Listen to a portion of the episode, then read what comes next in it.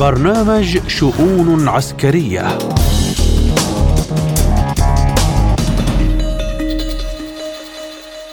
من إذاعة سبوتنيك بموسكو نرحب بكم مستمعينا الكرام. أينما كنتم في حلقة جديدة من شؤون عسكرية نقدمها لكم اليوم. أنا محمد جمعة. وأنا نادية هلال ونبدأها بأهم العناوين. إمكانية نشر قوة دولية في قطاع غزة بمشاركة الولايات المتحدة وفرنسا وألمانيا. المجر تعلن عرقلة مقترح أوروبي لتقديم مساعدات لأوكرانيا بقيمة 50 مليار يورو.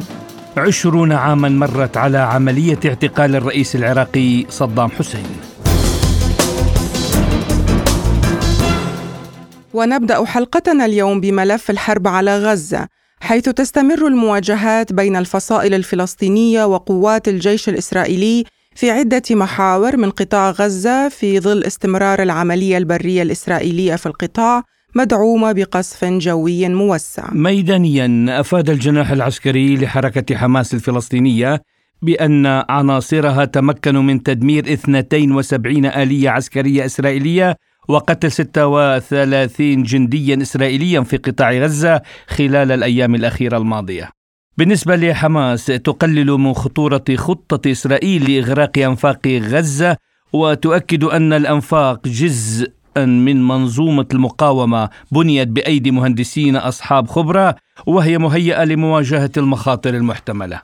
تطرق عضو مجلس الحرب الإسرائيلي الوزير بيني غانتس إلى مستقبل قطاع غزة بعد حركة حماس وقال أنه في الجانب المدني سيكون من الصحيح تحديد كيانات محلية تعتني بالصرف الصحي والطب والقضايا المدنية بدعم من إدارة تتولى هذا الأمر وأضاف أن هذه الإدارة ستتألف في معظمها من دول عربية معتدلة وقد أعرب بعضها بالفعل عن استعداده للانضمام إلى هذا الجهد. ولمناقشة أبعاد هذه التطورات ينضم إلينا من فلسطين الخبير بالشأن الفلسطيني الأستاذ نور الدين جرادات.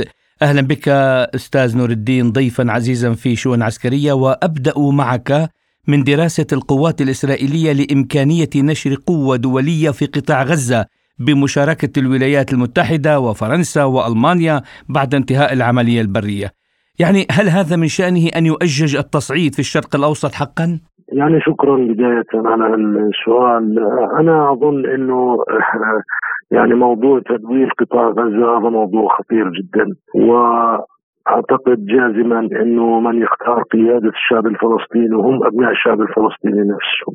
أما أن يكون هناك مجموعة من الدول تدير منطقة جغرافية هذا يعني دول كبرى مثل ما ذكرت هذا أظن إنه موضوع غير لن يقبل الشعب الفلسطيني واستراتيجيا إحنا يجب أن تضغط هذه الدول على دولة إسرائيل لأجل الانسحاب من الأراضي المحتلة وإعطاء الشعب الفلسطيني حريته في قيام دولته المستقلة.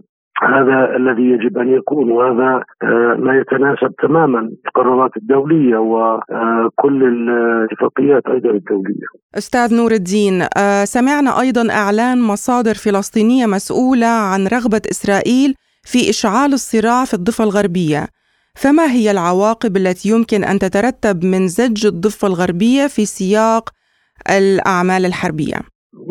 الضفه الغربية لم تهدأ ابدا على الإطلاق، يعني هو آه، الإعلام يركز إنه الأحداث تبدأ بدأت من 7 أكتوبر والحقيقة إنه آه، الضفة الغربية الاستيطان مستمر بشكل كبير جدا، اقتحام المخيمات والقرى والمدن الفلسطينية بشكل دائم، حالة الاعتقال وقتل الفلسطينيين مستمر أيضا بشكل دائم والأرقام تتحدث عن ذلك، ولهذا آه، هذا لا يحتاج إلى قرار، القرار يبدو أن الاحتلال قد أخذوا باتجاه تصعيد الأوضاع في الضفة الغربية وتصريحات القيادات الإسرائيلية كانت واضحة بهذا الشأن على لسان آه، رئيس وزرائهم أنه آه، هناك خطة لتدمير الأجهزة الأمن الفلسطينية، ماذا يعني ذلك؟ يعني القضاء على السلطة الوطنية الفلسطينية. من مفهومهم طبعا ولكن إحنا بنقول أنه شعبنا صامد وصابر وسيتحدى الصعاب آه، رغم كل الظروف القاسية اللي يعيشها قطاع غزة ورغم الظروف القاسية أيضا تعيش الضفه الغربية إلا إنه الشعب الفلسطيني سيبقى صامد ويبحث عن حريته فقط وإقامة دولته الفلسطينية المستقلة. الولايات المتحدة تطلب من الجيش الإسرائيلي الانتقال من عملية عسكرية موسعة في غزة إلى إجراءات انتقائية. أستاذ هل يمكن القول بأن واشنطن هي التي تشرف بالفعل على العملية العسكرية؟ طبعا هذا أكيد. وهذا على لسان الرسميين أنه ال ال ال يعني حامله الطائرات الإسرائيلية والأسلحة الإسرائيلية عفوا الأمريكية التي تدعم بها دوله إسرائيل والخبراء اللي موجودين في السفارة الإسرائيلية الأمريكية في تل أبيب. وهذا كله دلال على أنه الأمريكان موجودين عسكريا وسياسيا وهم اللي بيغطوا دولة الاحتلال في مجلس الأمن وفي كل يعني المنابر الدولية وبالتالي واضح تماما انه الامريكان هم هم اللي بيحموا هذه الدولة يعني. والقول انه هم بيعطوهم بعض التعليمات من أجل تعديل مسار العملية العسكرية. هذه حرب كبيرة. آه، ولكن هذا كله ترقيع. المطلوب إيقاف الحرب حالا وفورا ووقف ذبح الشعب الفلسطيني. الشعب الفلسطيني يذبح في قطاع غزة ويذبح أيضا في الضفة الغربية وبالتالي المطلوب وقف هذا العدوان على الشعب الفلسطيني المدني لا يعني هذا هو المطلوب الآن. الأمم المتحدة تدرس موضوع استخدام إسرائيل أسلوب التجويع كسلاح حربي في غزة. أستاذ الكريم لماذا يستمر المجتمع الدولي في الوقوف موقف المتفرج دون أي تدخل فعلي؟ والله يا صديقتي هذا سؤال يجب أن يوجه إلى الأمم المتحدة، هم يجب أن يجيبوا هذه المؤسسات الدولية اللي ميزانيتها مليارات الدولارات آه، وتعمل بنشاط لا شك أنه لها دور فاعل نحن لا لا ننكر ذلك. ولكن في فيما يتعلق لما يتعلق الموضوع بفلسطين وشعب فلسطين وقتل الأبرياء والمدنيين ومراكز الإيواء والمستشفيات والمدارس حتى التابعة للأمم المتحدة ومقتل موظفين حتى موظفين الامم المتحدة. في قطاع غزة يعني لو كانت في مكان آخر لقامت الدنيا ولم تقعد ولكن فيما يتعلق بالموضوع آه، يعني فلسطين بتكون الأمم المتحدة آه، مش بياخذ دورها الحقيقي باتجاه وقف آه، كل الاعتداءات على الشعب الفلسطيني العزل والمطلوب منه الحقيقة المطلوب من الأمم المتحدة أن تأخذ دورها بقوة. آه، تجاه القضايا على الأقل الإنسانية. الخبير بالشأن الفلسطيني الأستاذ نور الدين جرادات كنت معنا ضيفا عزيزا في شؤون عسكرية شكرا لك. وفي ملفنا التالي عن آخر تطورات الحرب الأوكرانية حيث أعلن رئيس الوزراء المجري فيكتور أوربان أن بلاده استخدمت حق النقد ضد مقترح يدعو لتقديم الاتحاد الأوروبي مساعدات لأوكرانيا بقيمة 50 مليار يورو في الفترة من 2024 وحتى 2027 ويذكر أن المجر تعرقل جميع قرارات الاتحاد الأوروبي تقريباً بشأن أوكرانيا بما في ذلك الدفعة الثامنة من المساعدات العسكرية المخصصة لكيف بقيمة 500 مليون يورو ومساعدات أخرى من صندوق السلام الأوروبي بقيمة 5 مليارات يورو وحزمة مساعدات أكبر لمدة أربعة أعوام بقيمة 20 مليار يورو. وللحديث أكثر عن أبعاد وتطورات الحرب في أوكرانيا نستضيف معنا الخبير بالشأن الروسي مدير مركز GSM للدراسات الدكتور آصف ملحم. أهلا بك دكتور آصف في برنامج شؤون عسكرية. أهلا وسهلا بكم. تحياتي لكم وللسادة المستمعين. وأبدأ معك من إعلان الميجر عرقله مقترح أوروبي لتقديم مساعدات لأوكرانيا بقيمة 50 مليار يورو. لماذا دكتور عطلت المجر هذا المشروع؟ وهل نستطيع أن نقول أن المساعدات الغربية لكيف بدأت تتلاشى؟ أستاذ محمد ليست المجر هي الوحيدة على على ما أعتقد. هناك كان جدل واسع حول هذا المبلغ 50 مليار أعتقد يورو أو دولار يعني. المهم على كل حال يعني ألمانيا أبدت تحفظها حول هذا الموضوع وكان هناك جدل واسع حول هذه القضية. أعتقد أن الموضوع مرتبط بشكل أساسي بعدم إيمان الأوروبيين أنفسهم بجدوى هذه المساعدات. يعني المساعدات تلقتها أوكرانيا في في السنتين السابقتين تجاوز ال 100 مليار دولار، يعني أين ذهبت هذه المساعدات؟ ما ماذا حققت أوكرانيا؟ كل هذه التساؤلات يطرحها يطرحها الجانب الغربي باستمرار والمواطن الغربي قبل غيره الذي يعيش أزمات اقتصادية مستمرة يطرح هذا السؤال، لذلك أعتقد وفق تقديري أنا أن بدأ نوع إن صح التسمية بدا بدأت تتعب وعبر عن ذلك حتى الأوكرانيين أنفسهم وزير المالية كان في اجتماع في المغرب منذ فترة وقال يعني نلاحظ أن هناك آه، ضعفا ووهنا في عند جميع شركائنا الغربيين في دعم أوكرانيا، لا يوجد هناك أي رغبة في دعم هذه الحرب لأن هذه الحرب خاسرة بكل تأكيد. هذه نقطه، النقطة الثانية هناك الكثير من يعني النخب الحاكمة الأوروبية والأمريكية حتى بدأ يصعد صوت أننا يجب أن نقوي علاقتنا بروسيا، يعني روسيا جزء من هذا المحيط. والحضارة الأوروبية ويجب أن نقوي علاقتنا بها لي يعني لعدم تركها يعني هذه الحجة التي يسوقونها لعدم تركها تتحالف أكثر مع الصين. يعني الموضوع متعدد الجوانب آه، ولكن أساس المشكلة هو عدم قدرة أوكرانيا على تحقيق أي إنجازات عسكرية على الإطلاق. آه نعم دكتور آصف. أيضا نسمع تصريحات زعماء الاتحاد الأوروبي بأن أوكرانيا في حاجة ماسة إلى إمدادات الصواريخ والذخيرة وأنظمة الدفاع الجوي. فهل يمكن أن تتحول القوات المسلحة الأوكرانية إلى حرب العصابات إذا استمر النقص في المعدات العسكرية؟ أستاذ نادية يعني عندما نقول حرب عصابات يعني هي الحرب التي تخاض الآن على الجبهة. هناك خط جبهة يعني بين بين الطرفين. إن قلنا حرب عصابات من الصعب يعني تسميتها بهذا الاسم آه، لأن اوكرانيا لأن روسيا تتمتع بقوة جوية آه، كبيرة بالمقارنة مع القوات الأوكرانية. كما أن يعني كل من يعرف آه، الحروب الحديثة التي خيضت في الخمسين سنة الماضية يعلم جيدا أن الطيران لا يعني لا يحسم أي معركة. والدليل على ذلك هي الحروب التي خاضتها الولايات المتحدة الأمريكية سواء في فيتنام أو في العراق أو في أفغانستان أو حتى في لبنان وفي كل مناطق العالم تقريبا.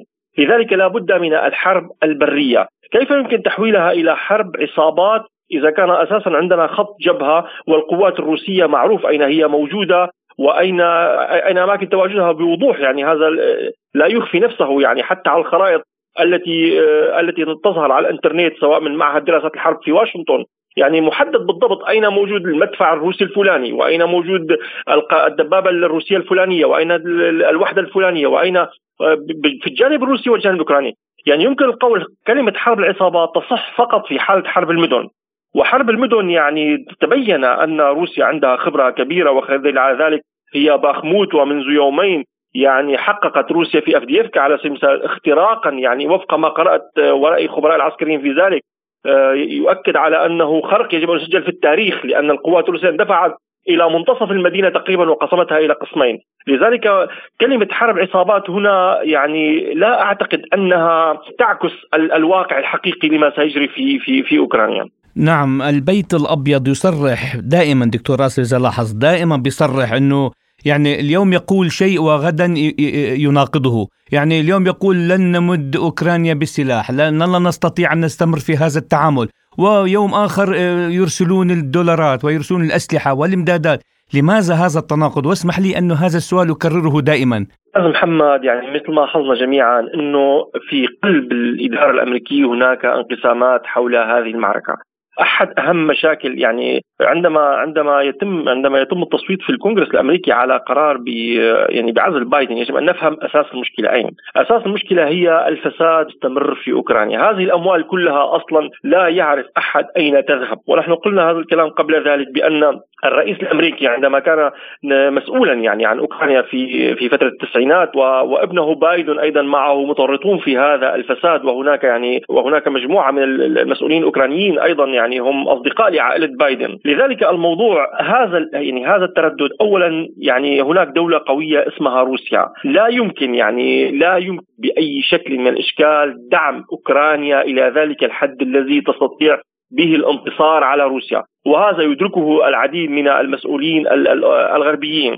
يعني روسيا إذا أشعرت في لحظة من اللحظات أنه سيقدم إلى أوكرانيا سلاح يعني كاسر لتوازن القوة. يعني كلمة كاسر لتوازن القوة تعني أننا يجب أن نعطي أوكرانيا آلاف آلاف الدبابات أو آلاف الطائرات. وهذا غير ممكن يعني غير ممكن حتى لوجستيا. لذلك هذه المعركة من أساسها خاسرة. ولكن هم لا يستطيعون يعني لا لا يمكنهم تعودنا من الأوروبيين حتى إذا خسروا إذا خسروا أن يقولوا لم نخسر نحن فعلنا كذا وكذا. يعني هذا لغة أعتقد أنها بشكل أساسي موجهة للداخل الأمريكي لعدم الاعتراف بهذه الخسارة، هذه الحرب انتهت تقريبا. اوكرانيا غير قادره على تحقيق أي شيء اطلاقا. بدأوا أخيرا يقولون أن نريد توطين الصناعات العسكرية في أوكرانيا. أصلا روسيا قادرة على تدمير أي مصنع في طور الإنشاء. لذلك لذلك هم يبحثون عن مكان للربح لشركاتهم وليس أكثر من ذلك. وبما أن هذه الحرب خاسرة بطبيعتها فماذا عليهم أن يفعلوا غير يعني محاولة القول نعم نريد دعم أوكرانيا ولا نريد دعمها. وأعتقد أن مصدر التردد هو عدم القدرة على الاعتراف بهذه الخسارة لأنهم حضروا أوكرانيا أيضا. لفترة طويلة من الزمن لمواجهته. يعني أنا سألت السؤال لأنه يقولون 50 مليار دولار أو يورو والآن البيت الأبيض يصرح أن الصراع في أوكرانيا ليس حربا خارجية بالنسبة للولايات المتحدة. إذا لماذا تشارك واشنطن بقوة في المواجهة بين موسكو وكيف؟ نعم هذا سؤال في منتهى الأهمية. ويجب أن نفهمه نحن يعني تحديدا نحن الذين نتمتع بالثقافة العربية قبل غيرنا. أستاذ محمد السياسة عمل مستمر. يعني لا لا يمكن أن نتخيل أننا نستطيع أن نبني دولة ونجلس مرتاحين ونعيش بها 100 سنة في للمستقبل يعني نفكر نفكر نحن في العالم العربي تحديدا نفكر بهذه الطريقة. أما الولايات المتحدة الأمريكية ف وروسيا أيضا يعني أنا لو راقبنا أستاذ محمد الخطابات وال... وال... التي تصدر عن وزارة الخارجية في روسيا وعن الكرملين يعني أنا أجمعها يوميا يعني فقط متابعتها و... ودراستها بشكل دقيق يعني تحتاج كل الوقت كل النهار تقريبا. لأن السياسة كما نرى هي عمل عمل مستمر. هي لن تتخلى عن أوكرانيا هي ترسم خطط أخرى. لن تترك أوكرانيا. على العكس أصبحت نقطة مهمة بالنسبة للولايات المتحدة الأمريكية. وأيضا هي نقطة مهمة بالنسبة لروسيا. يجب أن لا ننسى ذلك. روسيا هي التي بدأت العملية العسكرية الخاصة لأنهم لم يتركوا لها خيارات أخرى. أصبحت أوكرانيا عبارة عن نقطة ضغط عن يعني كما نسميها zombie state. يعني آه، شركة شركة يعني آه، باللغة باللغة الإنجليزية طبعا. هذا الحرف المصطلح أنها اعتذر عن استخدام مصطلح شركة مزبلة يعني. zombie state تستخدم هذه zombie state كل طرف يستخدمها للضغط على الآخر. وسياسة الولايات المتحدة الأمريكية بالأساس لا تقوم إلا على خلق بؤر التوتر سواء في الشرق الأوسط أو سواء تايوان. كما نرى جميعا تايوان هي نقطة ضغط على الصين إسرائيل هي نقطة ضغط على العرب. أوكرانيا ستصبح نقطة ضغط على على روسيا وروسيا تلعب معهم بنفس اللعبة حولت أوكرانيا أيضا معهم إلى نقطة ضغط على المجتمعات الغربية. وهكذا هي السياسة تستمر بهذه الطريقة. ولن تتخلى يعني أنا كل من يعتقد ان أن الولايات المتحدة الأمريكية ستترك أوكرانيا هو يعني غير مدرك لأبعاد الصراع ولكن ستلجأ إلى خطط أخرى وإلى مؤامرات أخرى علها تستطيع تحصيل بعض المكاسب من روسيا. يعني دكتورنا آه، العزيز آه، بالنسبة لليابان سمعنا أنها فرضت حزمة جديدة من العقوبات ضد روسيا. وتشمل هذه العقوبات قيودا على عدد من الشركات آه، موجودة في الإمارات وأرمينيا وسوريا وأوزبكستان. والحجة بذلك أنها تساعد روسيا في تجاوز القيود. فهل برأيك سيكون لهذه العقوبات أي تأثير؟ أستاذ نادية حتى تستطيع الولايات المتحدة الأمريكية محاصرة روسيا عليها أن تحاصر العالم كله، يعني هذا الأمر درسناه باستمرار. يعني الإمارات آه، يعني وأنا في الواقع آه، استغربت قليلا هذه الاندفاع الإماراتي وهذه الشجاعة من الإمارات أنها آه، بدأت بدأت يعني تساهم بفتح شركات روسية عندها للالتفاف على العقوبات وهذا تطور جيد فيه وتطور جيد من قبل الإمارات ومن قبل السعودية أيضا يعني يجب أن نعترف بذلك. هذه خطوة متقدمة يعني. هذه الشركات تساعد روسيا نعم على الاحتيال على العقوبات أو الالتفاف على العقوبات الغربية ولكن معظم دول العالم ترتبط بروسيا. بشكل مباشر. يعني نطرح هذا السؤال دائما. ماذا تحتاج روسيا؟ تحتاج روسيا إلى سوق لتصريف منتجاتها، يعني ال ال يعني نحن نلاحظ دائما إذا ارتفع سعر النفط في في العالم فإن سعر الدولار مقابل مقابل الروبل ينخفض، يعني هذا هذا يعني معادلة واضحة. لذلك فالاثر الرئيسي الذي يتركه هو فقط النفط والغاز عند روسيا. يعني عندما تخلت لاحظ معي كيف أصبح الأمر يعني انقلب الامر السحر على الساحر. عندما تخلت الولايات المتحدة الأمريكية عن سوق الغاز الصيني والذي هو أكثر ربحا بالنسبة لها من السوق الأوروبي.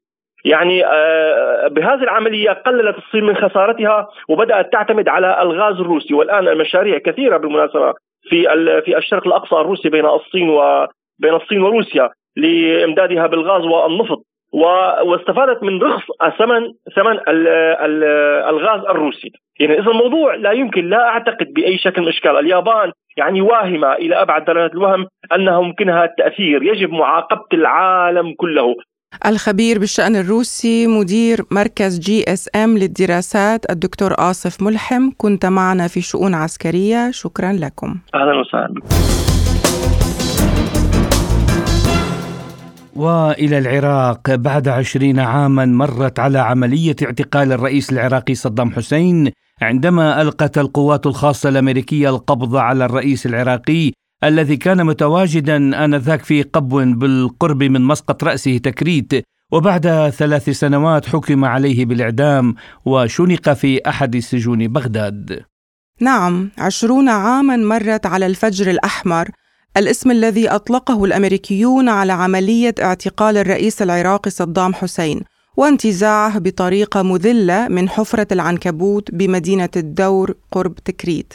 وفي العشرين من مارس آذار 2003 شن الأمريكيون وحلفاؤهم تحت ذريعة وهمية العملية العسكرية حرية العراق وانتهت الأعمال العدائية النشطة في أقل من شهر بالاستيلاء على بغداد والإطاحة بالرئيس صدام حسين. وعقب اعتقاله المشهود وضع صدام حسين في زنزانة صغيرة بمكان مجهول قرب بغداد. كانت تحتوي على طاولة وكرسي بلاستيكي بلون وردي. إضافة إلى سرير فيما كانت حركاته في الغرفة الصغيرة من دون أي استثناء تحت مراقبة الكاميرات على مدار الساعة. وأصرت واشنطن ولندن على أن صدام حسين لا يزال يعمل على أسلحة الدمار الشامل. في سبتمبر 2002 قدمت لندن تقريرا عن ذلك وقد استقبلت هذه الوثيقة بقدر كبير من الشك في جميع أنحاء العالم ولم تصدقها معظم البلدان. في فبراير شباط 2003 تحدث وزير الخارجية الأمريكي كولين باول في الأمم المتحدة وأقنع الأمم المتحدة بقضية غزو العراق. وللحديث عن هذا الموضوع ينضم إلينا الخبير العسكري الاستراتيجي العميد تركي الحسن. أهلا بك سيادة العميد في شؤون عسكرية وأسألك بداية لماذا لم تتحمل الولايات المتحدة إلى الآن أي مسؤولية على ما اقترفته بحق العراق ورئيسه؟ هل تحملت الولايات المتحدة عبر تاريخها واحتلالاتها لدول وتدخلها في كل بلدان العالم بدءا من تطهير الهنود الحمر حتى الآن المسؤولية هذا عبارة عن ما تفرضه سياسة القوة وليس الحقوق وبالتالي ما قامت به في العراق والذي أصبح يعرفه كل العالم. شعب الولايات المتحدة ومسؤوليه وكل دول العالم حكوماتها وشعوبها تعرف أنه تم غزو العراق بكذبة. اصطنعت في الولايات المتحدة من قبل المحافظين الجدد في الولايات المتحدة مع توني بلير آنذاك في بريطانيا وتم غزو العراق. الهدف منه احتلال العراق ومصادرة خيراته وليس الهدف الشخص بحد ذاته. كثير ما أسمع أنه الغاية السيطرة على النفط. لا بالعكس ليس فقط السيطرة على النفط السيطرة على العراق ومشروع التفتيت والتقسيم والسيطرة على المنطقة كان الهدف منه يبدأ من غزو العراق وأفغانستان ثم ينتقل إلى الدول الأخرى. ونحن نحن في سوريا كنا نستشعر ذلك منذ غزو العراق. ووقفنا بقوة ضد هذا الغزو وساعدنا أخوتنا العراقيين في في طرد الاحتلال الأمريكي، المسألة ليست رئيس، نعم رئيس ممثل السيادة بغض النظر بغض النظر عن موقف الشعب العراقي من القيادة العراقية السابقة الرئيس صدام حسين. وبغض النظر أيضا عن أن هناك معارضة وقد قتل من قتل وسجن وإلى آخره. ولكن هذه مسألة تتعلق بخيارات الشعب العراقي وليس بالولايات المتحدة. وعندما عجزوا عن إثبات أن هناك سلاح كذبة سلاح الدمار الشامل. ذهبوا قالوا نحن أتينا لنشر الديمقراطية. ها قد انتشرت الديمقراطية في العراق منذ عشرين عام حتى الآن. واليوم نحن في نحن في ذكرى اعتقال الرئيس الأسبق صدام حسين. هذا الأمر. ما أجمل هذه الديمقراطية على أنقاض دكتاتورية صدام حسين. ولماذا يستمر العراق في التعاون مع الولايات المتحدة خاصة في المجال العسكري بالرغم من كل ما فعلته القوات الأمريكية بهذا البلد العربي. الحكومات الأمريكية العراقية المتعاقبة هي عبارة عن كانت في المعارضة سابقا. يعني أغلب هؤلاء الشخصيات التي تبوأت السلطة في العراق هي كانت في المعارضة وكانت تتماهى مع الموقف الأمريكي وجاءت مع الاحتلال الأمريكي. وبالتالي هذه الحكومات التي جاءت جاءت جاء بها الاحتلال. ولذلك تراعي هذا الاحتلال. هذا أولا. ثانيا بموجب قرار وقف اطلاق النار في العراق واعتبار الولايات المتحدة دولة محتلة ولا تزال بقرار الأمم المتحدة دولة محتلة. حتى الآن العائدات النفطية العراقية تذهب إلى بنك الاحتياط الفدرالي الأمريكي وهي التي تزود البنك العراقي بما تحتاجه والحكومة العراقية. وعندما طلبت بالعام الماضي لا في هذا العام الحكومة العراقية مليار دولار فقط لتمويل بعض الأشياء رفض البنك المركزي الاحتياطي إعطاء الحكومة. نعم هناك حكومة نعم هناك قوات احتلال موجودة في بعض القواعد. تحت ذريعة أن هؤلاء يقدمون الخبرة للقوات العراقية وهم يدربون القوات العراقية بالعكس هم يسعون لأن تبقى القوات العراقية كما هي كما هي. وبالتالي لنذهب إلى عام 2014 عندما سيطرت داعش بعد وجود الاحتلال بأحد عشر عاما في العراق. وسيطرت داعش على الموصل وبعض المحافظات العراقية ومنها قدمت إلى سوريا. هذا الأمر لماذا لم تمنع الولايات المتحدة؟ وجاءت بقوات احتلال تحت ذريعة محاربة داعش منذ عام 2014 حتى الآن. ولم تنجز شيئا. من طرد داعش وقضى عليها في العراق ليست القوات الأمريكية هي قوات الحشد الشعبي. وهناك أطياف يعني موجودة في العراق بكل أسف تتعامل مع الاحتلال الأمريكي وتعتبره أنه قدرها. نعم وتتمسك الولايات المتحدة بذريعة الحرب ضد الجماعات الإرهابية.